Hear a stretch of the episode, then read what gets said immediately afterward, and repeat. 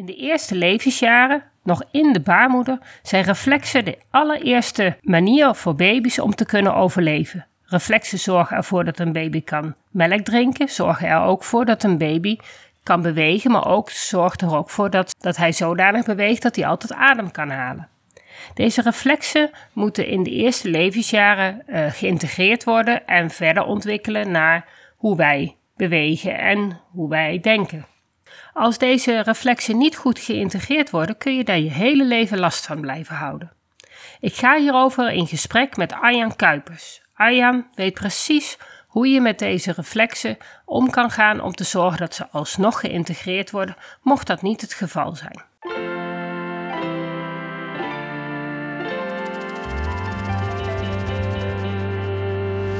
Welkom bij de Beelddenkers Podcast. Ik ben Natasja Esmeijer van Beeldig Brein en de schrijfster van het boek Beelddenkers als kwartjes vallen. Ik neem jullie mee in de wereld van de beelddenkers. Beelddenkers zijn creatieve, intelligente en zorgzame mensen, maar ze hebben moeite met onze vluchtige, snelle maatschappij. Dat begint al op school en het werkt door in het werkende leven. Ik ga in gesprek met leerkrachten, ouders van beelddenkers en met de beelddenkers zelf natuurlijk.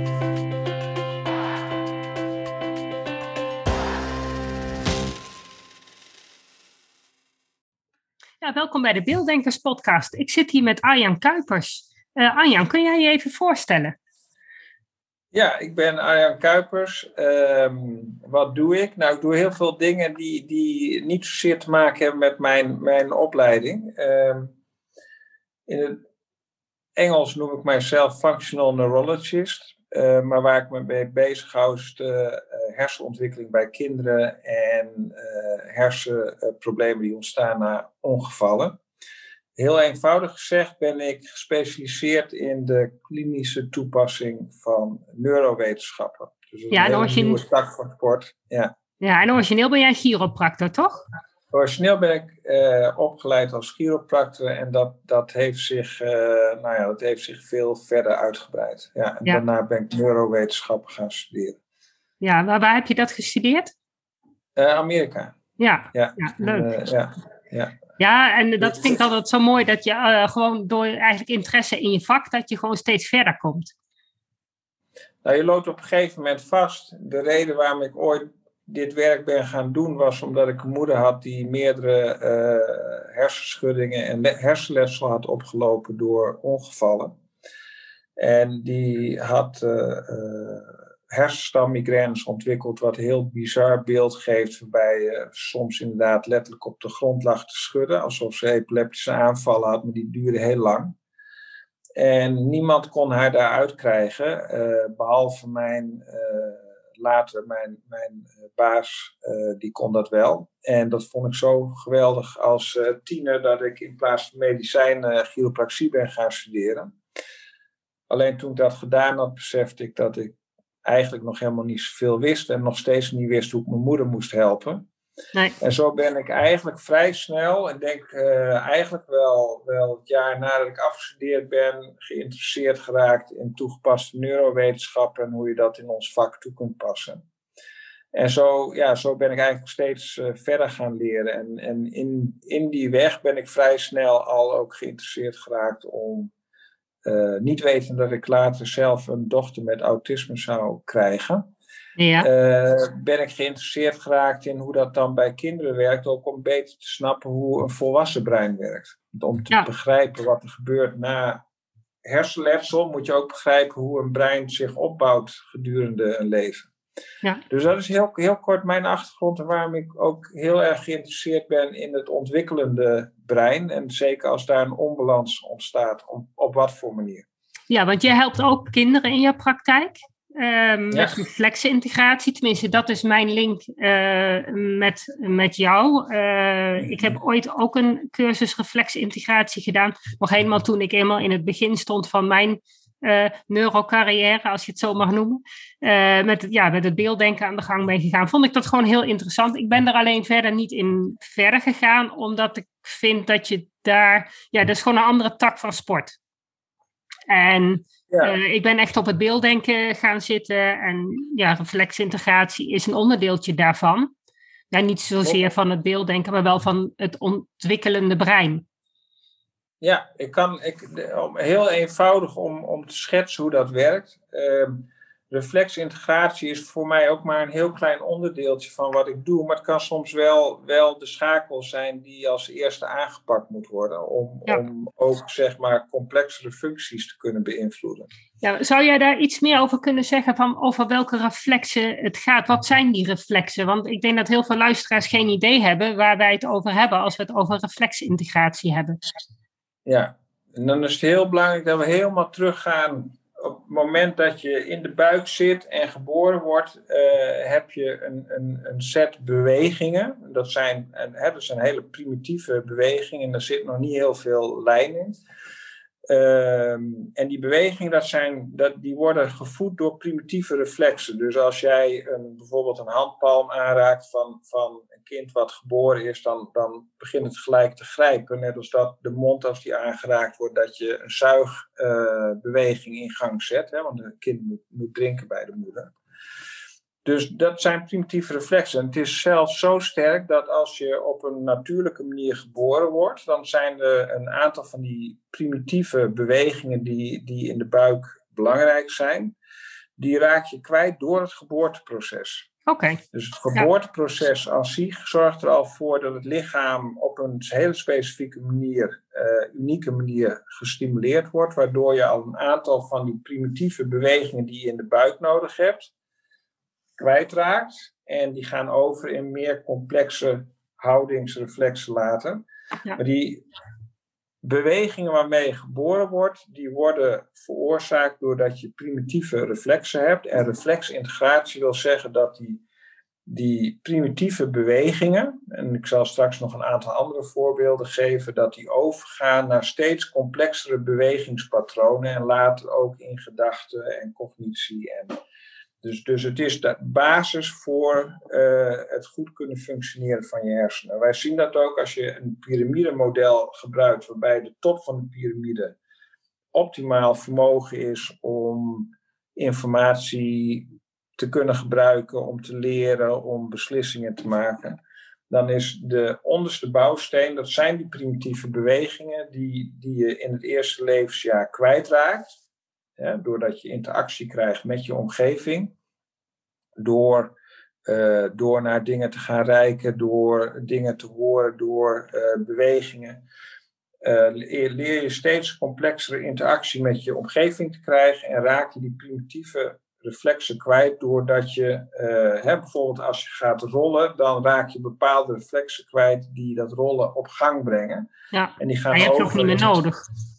Nee, die gaan over in complexere reflexen die het mogelijk maken dat je op een gegeven moment ook letterlijk op kan richten en kan zitten en jezelf zittend kunt houden. En dat gaat dan over in dat je hè, op een gegeven moment kunt gaan kruipen en dat je zelf zo ver komt dat je jezelf tegen de muur of een tafel rechtop kunt staan. Nou, zijn het dan ook, uh, uh, want er zijn natuurlijk kinderen die dat kruipen overslaan. Ja. Heeft dat, Kan dat hiermee te maken hebben?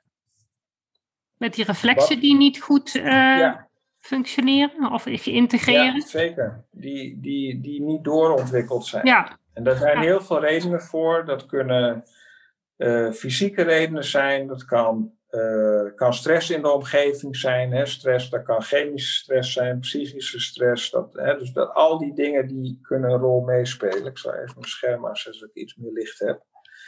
Um, als een kind een, een bepaald stadium, bijvoorbeeld het kruipen, overslaat en het begint op de billen te schuiven, dan is dat de indicatie dat de ontwikkeling anders plaatsvindt dan dat je al die stapjes, dus die reflexen die, die plaatsmaken voor steeds complexere uh, reflexen, dat dat op een of andere manier niet helemaal goed gaat. Ja. En dat er, uh, je moet je voorstellen dat als, je, als, je, als ik bijvoorbeeld naar een kind kijkt van hey, hoe, hoe ontwikkelt een kind zich, van dan ga je inderdaad kijken, zijn er nog restanten van die, die primitieve reflexen die je hebt bij de geboorte, zijn die nog aanwezig? Bijvoorbeeld een schrikreflex. Mm -hmm. Ja, die Moro-reflex die, die altijd getest wordt bij een pasgeboren baby. Ja, precies. Nou, dat zie je extreem bij baby's. Als een deur te hard, dicht gaat, dat, ze, dat ze schrikken en dat ze rood aanlopen en gaan huilen en dat soort dingen. Maar als een volwassene die reflexen nog heeft, schrikken ze ook sneller. hebben ze, weten we, uh, sneller hoge bloeddruk of uh, hebben ze sneller last van paniekaanvallen. Dat, dus dat is heel belangrijk. Dat als zo'n reflex niet doorontwikkelt, dan heeft dat consequenties. Ja, ja want je hebt ook de reflex die je nodig hebt, die heb je dan niet. Of nee, minder. Precies. En je kunt niet die complexe controle ontwikkelen die, die je nodig hebt om optimaal volwassen of volwassen je volwassen brein te gebruiken. een ander mooi voorbeeld is bijvoorbeeld een asymmetrische tonische nekreflex. Dus dat je ergens naar kijkt en je reikt, je reikt uh, tegelijkertijd met dat je ergens naar kijkt, strek je arm uit en strek je been uit om ergens bij te kunnen. Ja, dus dat, been, alleen je arm hoeft eigenlijk uit te strekken, maar je been die gaat gewoon automatisch mee. Om, ja. om ergens naartoe af te zetten.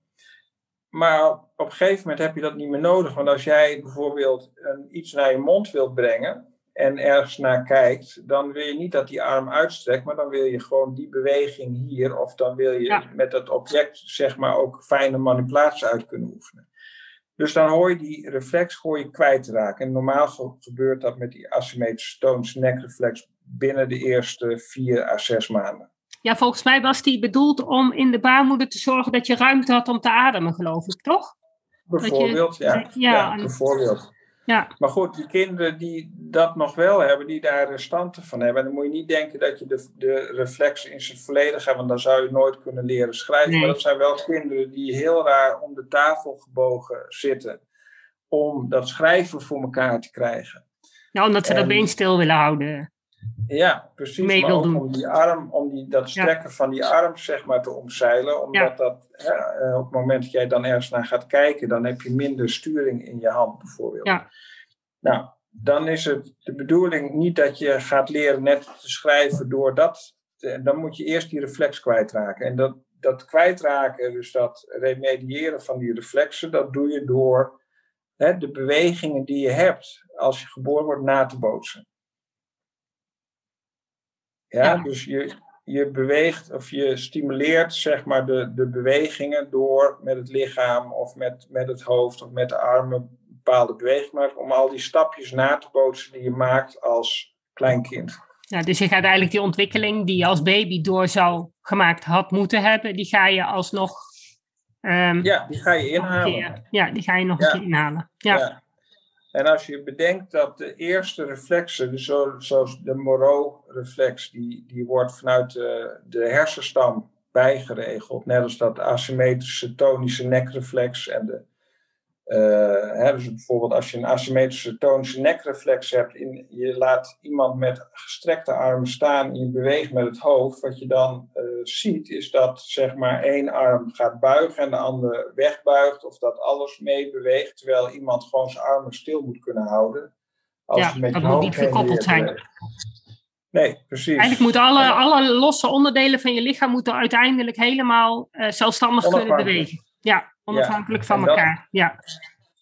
Als je brein doorontwikkelt, als die stappen goed genomen worden, dan leer je steeds complexere bewegingen uh, te leren. Of het vermogen heb je dan om hele complexe uh, activiteiten als ingewikkelde sporten of handelingen met vingers, handwerk of schillen of wat dan ook te leren. Zonder dat je last hebt dat, dat er reflexen in werking worden gebracht die die bewegingen tegengaan. Ja, ja, maar dan kun je dat nooit, eh, kun je nooit vrij doen wat je zou moeten doen. En nee. als je ziet wat je als volwassene, dat, dat, je ziet al een verschil tussen kinderen en volwassenen, wat die aan motorische activiteit kunnen doen. Ik bedoel, als ik mijn kinderen wilde proberen laten aardappelen schillen, nou, dat is echt wel heel lastig. Dat lukt ze gewoon niet. Het, nu is het geen enkel probleem. Nee. Het is niet zo dat elk kind dat de aardappelen niet kan schillen ineens allemaal reflexen nog heeft. Maar er moet wel een bepaalde vooruitgang in zitten, lijkt mij. Ja, dus een, de, de handigheid die je bij volwassenen ziet, waarbij dat allemaal doorontwikkeld is, en bij kinderen waarbij dat doorontwikkeld is, die is anders dan bij kinderen die dat niet doorontwikkelen. Dat zijn de kinderen die onhandiger zijn, zich sneller stoten, of die inderdaad moeite hebben om een hè, schrijven te leren, of hè, pengreep te leren. Of die inderdaad die niet stil kunnen zitten op hun stoel omdat ze een uh, galant reflex hebben dus langs de rug. Is, is, uh, als je daar met de vinger langs gaat, dan zie je ze uh, krom trekken. En dat is een reflex die je nodig hebt om te leren rollen. Oh ja. Maar later hoor je kwijtraken. Maar als jij op een stoel zit en die stoel die is onplezierig, dat zijn kinderen die niet stil kunnen zitten of die last van hun kleren hebben. Ja. Ja, heeft Ja, dat niet dus ook, eh, ja, is dat echt eh, die reflex, ja, die dus gewoon, eh, maar dan niet last van die labeltjes, maar last van dat het gewoon die rug eh, stimuleert. Ja, het labeltje Ja. Is, is, is dan de stimulus, waardoor ze gewoon, dat vinden ze onplezierig. En dan zeggen ze, ah, dat vind ik niet plezierig, er moet labeltje uit de kleding geknipt worden. Of, of je gaat inderdaad die reflexen, wat je met dat soort reflexen doet, is dat je die reflex net zo lang gaat stimuleren door bijvoorbeeld met een kwastje of met een Mhm. doekje over, over die rug te gaan. Net zolang totdat ze die reflex kwijtraken. En dan moet je soms maanden achter elkaar doen om het kwijt te raken. Het mooie is wat je tegelijkertijd doet, is dat je de hersengedeeltes, in dit geval zeg maar in de hersenstam, die normaal gesproken geactiveerd worden door het gebruik van die reflexen, die ontwikkelen verder door zeg maar naar hoger gelegen hersengedeeltes, dat je die opnieuw activeert en dat je die sterker maakt. Dus je Ja, activeert niet alleen de lokale reflex, maar je stimuleert ook de ontwikkeling van de hersenstam en eh, hoger gelegen hersengedeelte naar een meer complex niveau. Oké, dan ga ik even een raar uitstapje maken. Want ik zie heel vaak bij hoogbegaafde kinderen, die doorlopen vaak heel snel die ontwikkeling als ze jong zijn. Die kunnen heel snel lopen, kunnen, die, die hebben misschien twee, drie weken gekropen en dan hebben ze het lopen al ontdekt. Eh, maar die zie je vaak later dat ze heel veel motorische problemen hebben. Eh, gewoon omdat het lijkt omdat ze zo snel eh, door die ontwikkeling heen gaan, dat, dat dat reptiele brein krijgt eigenlijk geen kans om te oefenen. Alles wat ze doen, dat gaat eigenlijk in één keer goed. Dus oefenen hoeven ze niet als ze jong zijn. Eh, heeft dat ook te maken met die. de- heb je dan ook kans dat die reflexen niet goed geïntegreerd zijn? Je hebt de Dat daar al die, ja. Je hebt de antwoorden al gegeven. Ja.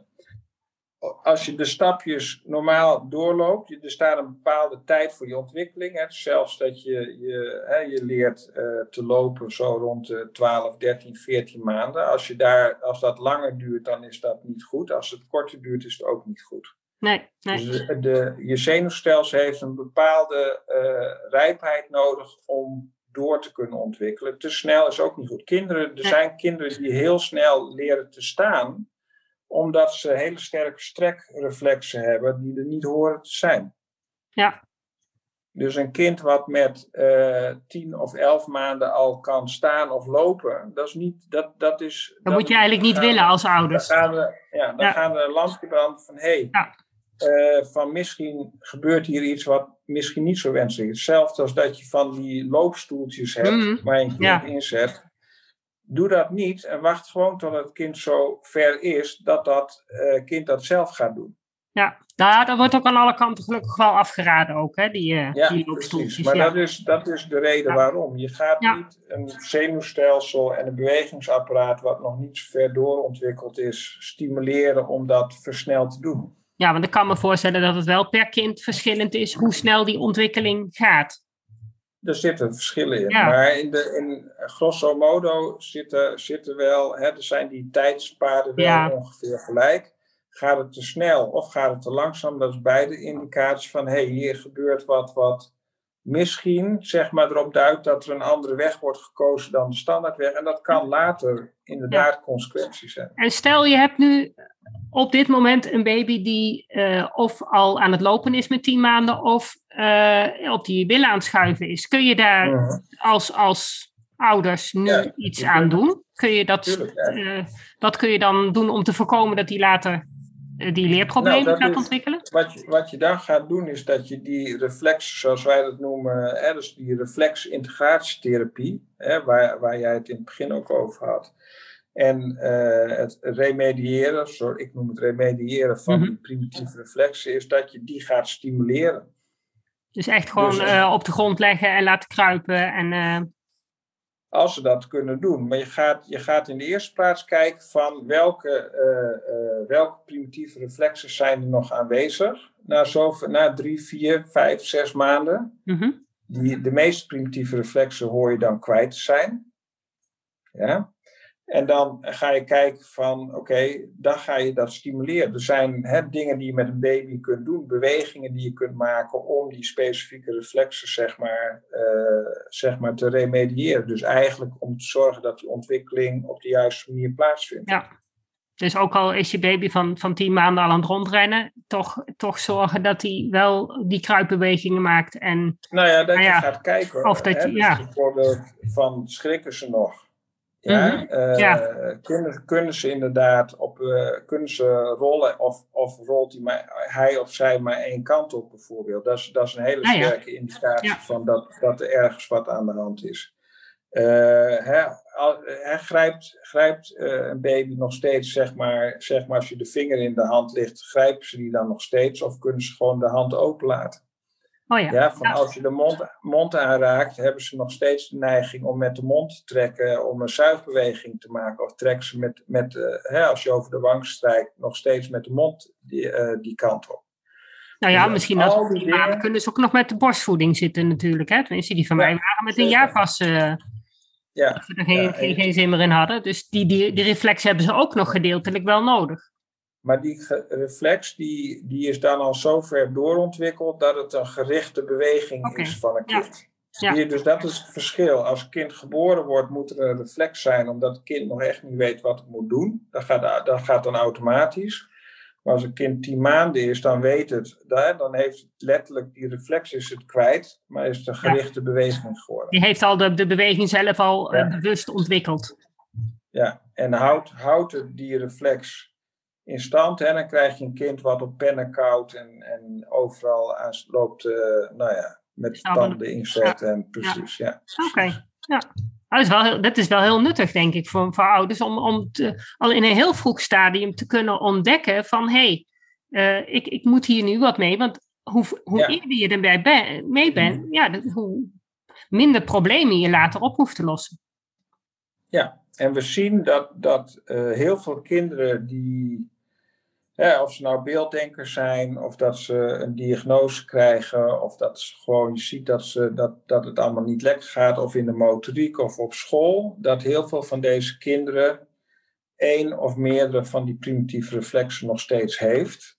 In, in meer of mindere mate. Het is zelfs zo sterk dat er verschillende studies zijn die laten zien dat als er bijvoorbeeld drie tot vijf primitieve reflexen nog zijn, dan, dan weet je dat als een kind doorontwikkelt en er wordt niks aan gedaan, dat een kind uh, leertechnisch of gedragstechnisch veel makkelijker in de problemen komt. Ja, en zie jij ook een link echt met het beelddenken of meer met de diagnoses en... Uh...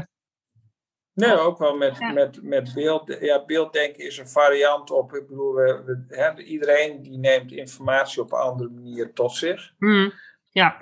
Um, en en hè, dus we, we, zijn, we zijn mens, dus we zijn talig. Dus het is ook logisch dat er heel veel mensen zijn die dat met taal uh, doen hè, en op die manier denken.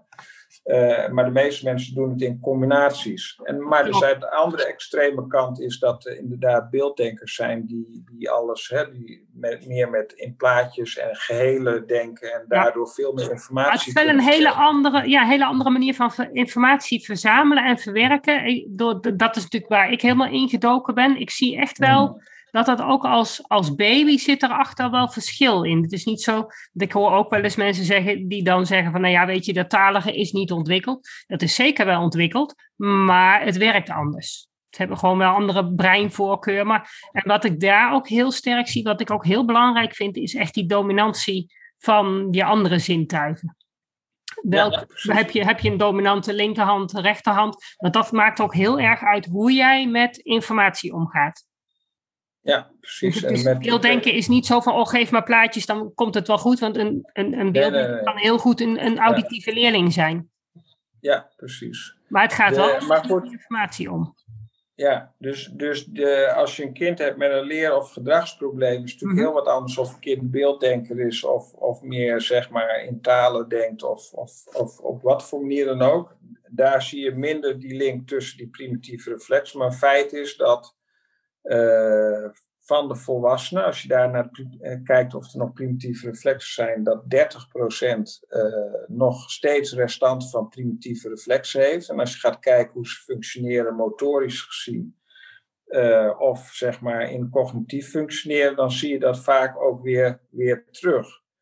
Dus, hè, dus wat je ziet is bij beelddenken zul je ook een bepaald percentage zien. Ik heb er nooit onderzoek naar gedaan, dus ik weet het niet. Ik weet, ik heb beelddenkers hier in de praktijk, die komen vaak voor andere problemen. En dan zie je inderdaad dat er ook nog primitieve reflexen zijn.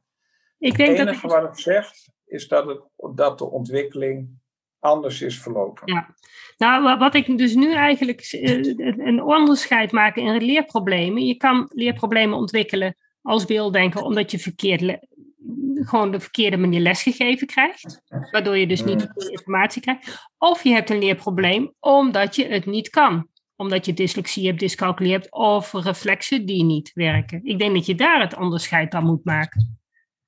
Ja, zeker. Nee, leerproblemen dan. Ja, ja, iedereen, ik bedoel, de een is inderdaad meer auditief ingesteld of visueel of meer kinesthetisch. Ja. Dat is gewoon een feit en de meeste van ons zijn een, een, inderdaad een, een mengeling daarvan. Zeker. En daar heb je, je hebt gemiddelde en je hebt extreme in al die versies. En we weten dat, dat, visueel, dat de meeste mensen meer visueel ingesteld zijn dan, dan kinesthetisch of auditief. En dat het heel veel invloed heeft op de verwerkingssnelheid. Hoe snel je inderdaad zeg maar, informatie verwerkt en hoe, ook hoe, hoe talig je naar buiten toe bent. Uh, maar met al die dingen is het zo, dat wil niet zeggen dat daar problemen onder liggen. Dat is gewoon een keuze die, die, die, genetisch bepaald is of die door omstandigheden ontstaan. Wat we wel zien, hè, als we het dan toch over handigheid of voetigheid hebben, dat als, om een voorbeeld te geven, stel dat iemands linker hersenhelft minder goed ontwikkelt, om wat voor reden dan ook, en zo iemand kan bijvoorbeeld dyslexie ontwikkelen later, dan zien we dat ook al is die persoon rechtshandig, als er op jonge leeftijd al eh, heel sterk uh, asymmetrie aanwezig is, kan het zijn dat dat soort uh, kinderen kiezen om de linkerhand meer te gebruiken, dat dat dominante hand wordt, in plaats van de andere hand. Ja, want ik zie dus- de meeste kinderen bij mij in de praktijk die, die echt leerproblemen hebben, die hebben juist alles rechts. Die hebben dus en die rechte hersenhelft die dominant is, plus gewoon de ogen en de oren en de handen en de voeten, alles maar rechts. Of, die heb ik ook, die dus alles links hebben. Dat werkt ook niet fijn. En dan heb je echt, uh, nee, dat is gewoon heel lastig. Maar ja, je kan dat ook niet zomaar omdraaien. Die, die, die, dat kies voor één kant is uit oogpunt van efficiëntie door het brein. Ja. En zegt van oké, dat doen we vanuit die kant, terwijl de rest misschien aan de andere kant dominanter is. Maar, hè, dus dat zijn keuzes die gemaakt Maar dat wil niet zeggen, die al terugkomt, die primitieve reflexen, mhm. dat dat soort kinderen uh, daar problemen mee hebben. nee, als, ik denk als, als zij gewoon les krijgen op de manier die bij hun past, dat dat gewoon prima uh, dat dat op zich niet, het leren niet in de weg hoeft te staan. Hooguit de verwerkingssnelheid, maar mm. het is niet zo dat ze niet kunnen leren. Nee, maar goed, daar wordt heel weinig rekening mee gehouden. Dat is het grote probleem. Vandaar dat ze toch weer leerproblemen mm. krijgen. Maar dan wel leerproblemen eh, die voorkomen kunnen worden door ander onderwijs. Ja.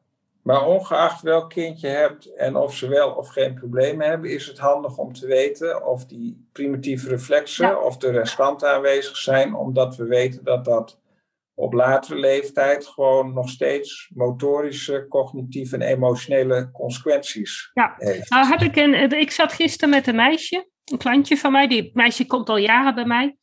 En um, nou vraag ik me af of dat jij aan. Ik heb, ik heb een paar dingen opgeschreven wat mij gisteren aan haar opvielen. Of jij dan ook kan zeggen of dat eventueel te maken zou kunnen hebben uh, met, um, met, met die reflexintegratie. Het is een meisje die echt heel voorzichtig beweegt. Um, als zij uh, schrijft, dan doet ze dat met één hand. Echt, die andere hand die doet helemaal niks. Die, ik bedoel, papier vasthouden of zo is altijd handig. Nou, ook al het was helemaal opgebold dat papier, dus het schreef heel lastig. Dus ik had af en toe op een gegeven moment zoiets van, nou dan hou ik mijn hand erop, dan is het papier tenminste recht. Um, ze moet overal heel lang over nadenken. Weinig rekeninzicht. Ze heeft dyslexie. Um, en ze heeft eigenlijk weinig vermogen om een strategie te bepalen. Hoe kan ik nou een som oplossen? zit al in groep 6. Ehm,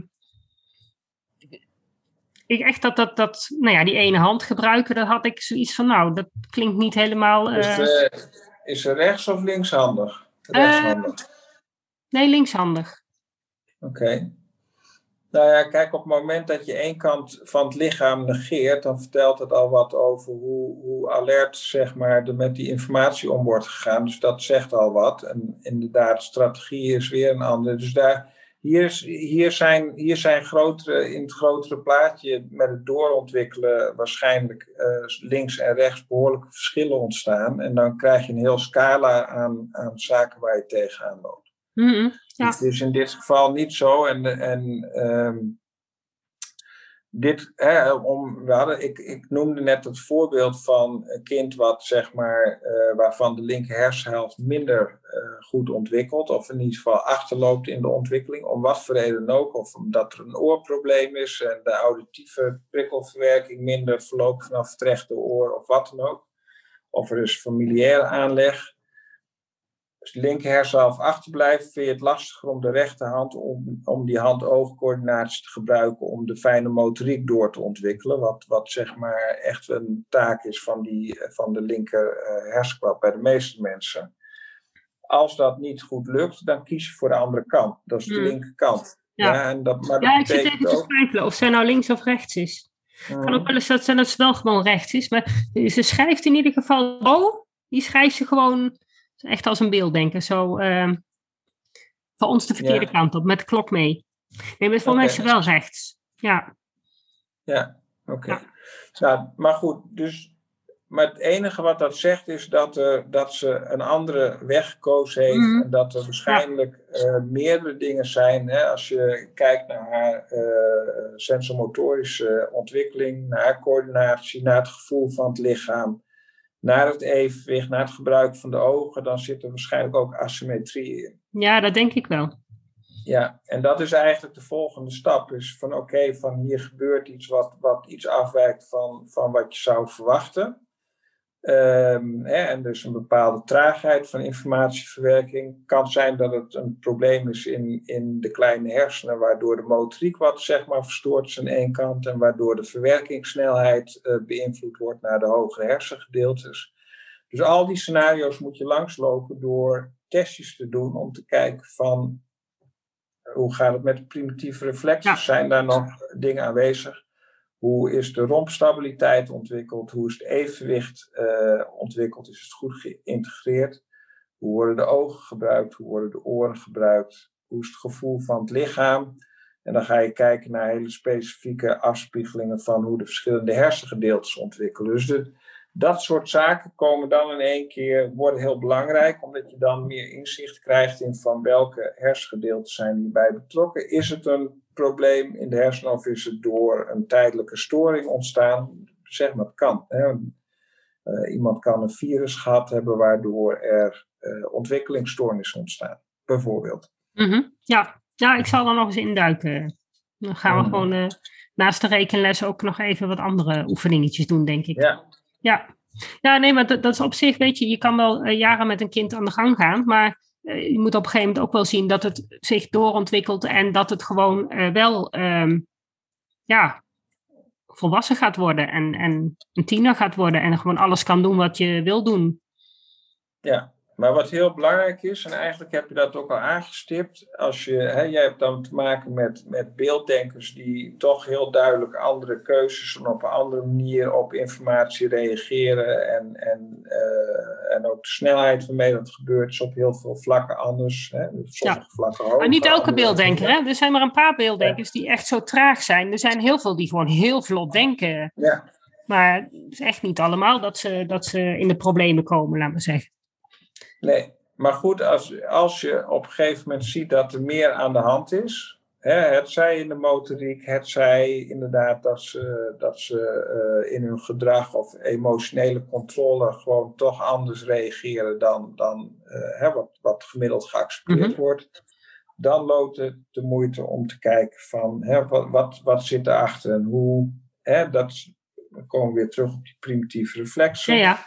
Van hoe is, is dat op de juiste manier doorontwikkeld en, en hoe is dat hè, ook met de rest van de sensormotorische integratie en hoe zit het met de verschillende hersengebieden? En dan, nou ja, dan, dan heb je gewoon meer puzzelstukjes om een kind te helpen. En dan is het niet alleen op cognitief vlak of op leertechnisch uh, vlak, maar ook inderdaad uh, kun je ze zeg maar bouwstenen aanreiken van hoe ze, hoe ze de fundering kunnen versterken. Ja, want ik denk dat dat op een gegeven moment ook belangrijk is. Dat je inderdaad, mm. kijk, als een kind uh, komt met gewoon leren gaat niet zo goed. En soms kun je ze echt met een paar keer, ja, leg je ze het op een net een andere manier uit en begrijpen ze weer waar ze zijn en snappen ze hoe hun hersenen werken en kunnen ze gewoon zelf verder. Maar er zijn er ook inderdaad een aantal waarbij je gewoon ziet dat dat veel meer in het hele lijf werkt dan alleen in dat brein. Ja, precies. En, en lijf en brein zijn één. Ja, je moet het, uh, ja dat, dat brein is maar een ding. Dat heeft wel het lijf nodig om dingen uit te voeren. Ja. ja. ja, en het begint bij het lijf. Het lijf beweegt en interactie heeft met de omgeving, dan ontwikkelt het brein. En dus die twee kunnen nooit los van elkaar zitten. Nee, nee dat denk ik ook niet. Nee, en volgens mij die ontwikkeling van het brein komt voort omdat je gaat bewegen. Je hebt die beweging nodig om verder te kunnen ontwikkelen. Ja, correct. Ja. Dus bij het meisje waar je het net over had, is, het, is het de kwestie van verder kijken. Ja, dat denk ik ook. Maar daar, daar kan ik wel voorlopig mee, uh, mee, mee verder. Want ik heb nog uh, mijn boek uh, van de reflexintegratie heb ik nog liggen. Dus dat ga ik er eens even bij halen. En dan ga ik daar eerst eens even met haar mee, mee verder. Ja. Ja. Ja, want dat is wel, ik vind het wel interessant altijd om gewoon inderdaad, dat is ook de reden waarom ik natuurlijk met dat beelddenken steeds verder ga. Want het is niet alleen het beelddenken, het komt, je kan dat niet loszien van al die andere. Ik, ik kom wel eens op school en zeggen ze ja, ja, maar hij is ook heel gevoelig. Zullen we dan niet dat eerst oplossen? Ik zeg nee, als je alleen dat gaat aanpakken, het kind is meer dan alleen zijn hooggevoeligheid kan niet alleen die hooggevoeligheid aanpakken, want hij heeft ook andere informatie nodig. Als is hij nog steeds hartstikke doodongelukkig. Dus doe alsjeblieft alles aanpakken. Of in ieder geval zo globaal mogelijk. Dat je in ieder geval op al die gebieden moet je, moet je hem meer bieden dan. Ja, en dat is, dat is de hele, eigenlijk het hele punt waar het ook, hè, als je kijkt naar, of je kijkt naar primitieve reflexen of de manier waarop er geleerd wordt, uh, als je het hele plaatje overziet, dus je, je ziet van wat, wat zit er allemaal achter, wat speelt er allemaal mee, dan, dan kun je veel makkelijker een plan maken van hey, hoe, hoe, kunnen we, hoe kunnen we een kind helpen? Kunnen we dat alleen doen door anders materiaal aan te bieden? Of moeten we veel verder terug naar de basis? En dat is eigenlijk waar het, waar het op neerkomt. En vaak is dat niet nodig, maar in sommige gevallen wel. Ja, ja oh nee, ik denk dat heel veel. Kijk, de meeste kinderen die ontwikkelen gewoon en die integreren hun reflexen en gaan gewoon verder met hun leven. Zijn er, zijn er, ja, ik weet niet, hoe, weet jij hoeveel procent van de kinderen ongeveer uh, met die reflexen blijft zitten? Nou ja, wat ik Geen al idee. zei, we weten, weten, dat, nou ja, als we weten dat 30% van de volwassenen in meer of mindere mate nog steeds uh, één of meerdere primitieve reflexen heeft, dan ja, weten we dat dat bij, ja. ja. bij, bij kinderen ook zo is. Alleen op het moment dat je brein doorontwikkelt en uh, hè, de nieuwe hersenen, de neocortex, die ontwikkelt door, dan ga je steeds meer invloed van bovenaf ook op die primitieve reflexen uitoefenen. En mm. raak je ze ook meer kwijt, onderdruk je ze. Maar, maar dan zijn ze er nog wel dus. Dan zijn ze nog wel en die komen naar buiten op het moment dat er wat met het hoofd gebeurt. Hè, bijvoorbeeld uh, als mensen dementie krijgen en ze raken die controle kwijt, of ze uh, hebben uh, hersentrauma, of ze zijn super gestrest, of ze zorgen niet goed voor mezelf. Dan kan het zijn dat die primitieve reflexen en de consequenties op de emoties, of de cognitie, of de beweging, motoriek, dat die in één keer weer eh, naar boven komen en iemand bijvoorbeeld in één keer blessuregevoeliger is of gevoeliger is om een bepaald emotionele patroon terug te vallen. En is dat dan ook uh, te linken aan een burn-out? Of is dat nou ja, Nee, daar, daar, zijn, daar zijn voor zover ik weet geen onderzoeken naar gedaan. Maar goed, uh, hè, als ik, we weten wel bijvoorbeeld als een morode flex doorontwikkelt en blijft zitten dat uh, het emotionele systeem veel makkelijker getriggerd kan worden. En ook hè, de, het vluchtsysteem, het sympathische zenuwstelsel. Dan kun je natuurlijk, uh, dan dat soort dingen kunnen weer leiden tot, tot extreme stressreacties en angsten en dat soort zaken. Dus Ja. dan zit je al heel snel in, in psychiatrische problematiek op makkelijker, laat ik het zo zeggen. Ja, ja, en dat is natuurlijk wel een feit dat, dat beelddenkers er over het algemeen wat gevoeliger voor zijn. Ja, of dat dan aan die reflexen ligt, dat denk ik dan niet. Maar dat, dat is dan nog een bijkomend eh, onderdeel, waarschijnlijk. Ja, dat kan, ja ik, weet, ik weet, ik ben niet expert op het gebied van beelddenken, Nee, zoals je nou weet. ja, ik heb, eh, ik heb eh, de cursus van Esther Bergsma gevolgd. Zij is een wetenschapster op het gebied van hooggevoeligheid. En zij heeft dus de link gelegd tussen genetische DNA-codes en depressie. En, en dus ook het beelddenken. En de, eh, de depressie en de hooggevoeligheid, die link heeft zij gelegd. Ja, nou ja, kijk, als je vanuit neurolo functioneel neurologisch oogpunt bekijkt, hè, de, de, eh, het visuele brein, de rechter hersenhelft is gespecialiseerd in visuele prikkelverwerking en het grote plaatje, hè, Mhm, dus het overzicht. Eh, als die inderdaad eh, zeg maar beter ontwikkeld is, of je hebt daar grote affiniteit, grotere affiniteit voorkeur voor, en de linker hersenhelft die blijft wat achter. De linker hersenhelft is de, de positieve eh, hersenhelft en die blijft wat achter, dan, dan zit je sneller tegen depressiviteit aan. We weten als de linker hersenhelft inderdaad, zeker in de voorste gedeelte, zwakker is, dat je veel makkelijker een depressie krijgt. Oké, ja, nou dus ja, zij heeft dat dan eh, weer aan een of ander eh, DNA-dingetje gekoppeld. Ja. ja, interessant. Ja. Ja, oh, er is zo nog zoveel te ontdekken volgens mij over die hersenen. Zeker, we zijn nog maar Ja. net begonnen. Ja, zeker. En dan denk je van, nou, dan, dan weten ze weer wat. En volgens mij komen er alleen maar meer vragen bij. Maar het is wel, ik, hoe meer ik ermee bezig ben, hoe meer ik wel eh, de, de linken zie tussen eh, ja, de verschillende onderdelen. Ik heb natuurlijk dat hele beelddenkende brein hebben wij eh, helemaal zitten ontleden en analyseren. Maar het klopt wel allemaal. Als je, het kan het, je kan het allemaal zo in elkaar passen. Ja. Nou ja, en als je mooi. dus op andere manieren bekijkt dan, dan, en je gaat kijken inderdaad hoe dat dan ontwikkelt, dan, hè, en je kijkt naar die puzzelstukjes, dan kun je soms nog meer eh, Ja. voor deze kinderen doen. Ja, zeker. Ja, want ik vind het zo belangrijk dat het. ehm, er zijn, lopen zoveel volwassenen rond die gewoon zo'n nare tijd aan, eh, nare herinneringen aan hun schooltijd hebben. En hun, omdat ze gewoon altijd maar het idee hadden dat ze dom waren of er achter de feiten aanliepen. En het is gewoon niet nodig. En dat is gewoon jammer. Hmm. Want Ja. ja, jij komt ze waarschijnlijk niet tegen, maar ze, ze lopen daar echt.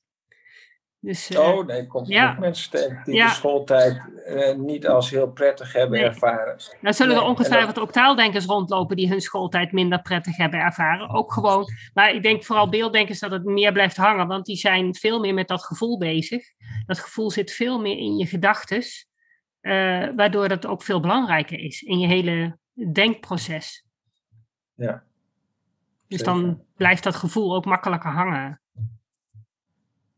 Heb jij verder nog iets toe te voegen aan de reflex-integratie? Nee, eh, dat, dat het een niet, op, niet een op zich staand fenomeen is. En dat je, wat ik uitgelegd heb, dat je moet kijken, het is een bouwblok, maar het is wel de eerste bouwblok die Ja. je hebt. ja, om- dus is een hele belangrijke.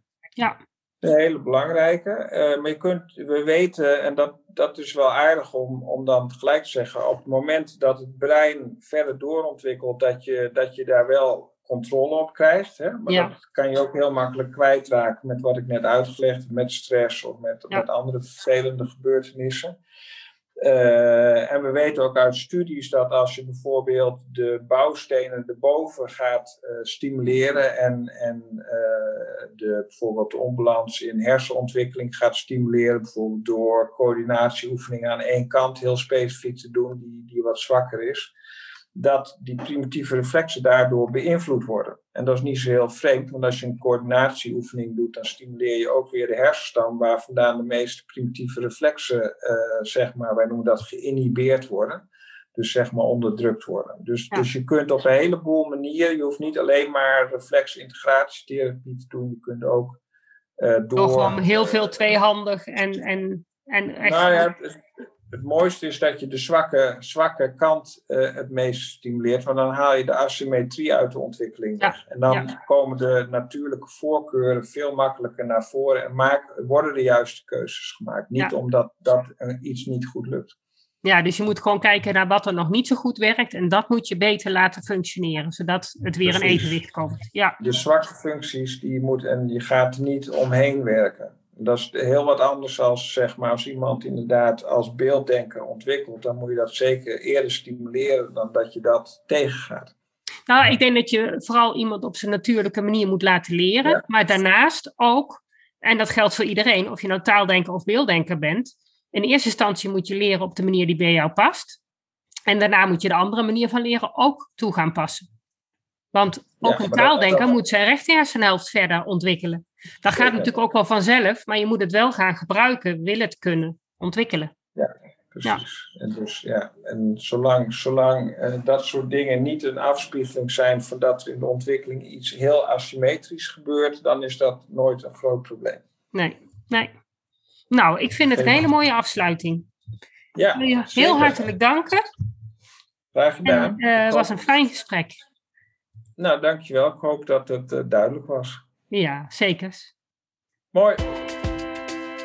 Dat was het weer voor vandaag. Bedankt voor het luisteren en superleuk dat je erbij was. Ik hoop dat je weer een beetje meer ontdekt hebt hoe gaaf, maar ook hoe lastig het kan zijn om een beelddenker te zijn in een wereld die is ingericht voor taaldenkers.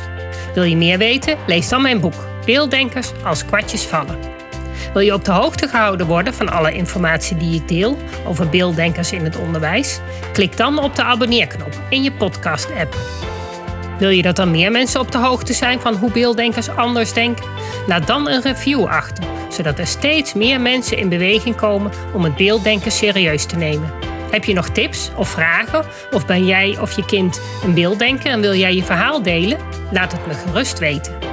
Wil je als ouder of leerkracht echt weten hoe het allemaal werkt bij je kinderen of bij jezelf? Kom dan naar een van de cursussen.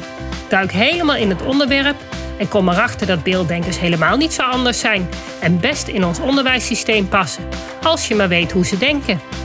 Ik geef speciale cursussen voor ouders en voor professionals. Voor meer informatie ga je naar www.natasjaesmeijer.nl. Samen gaan we voor een beelddenkvriendelijke wereld.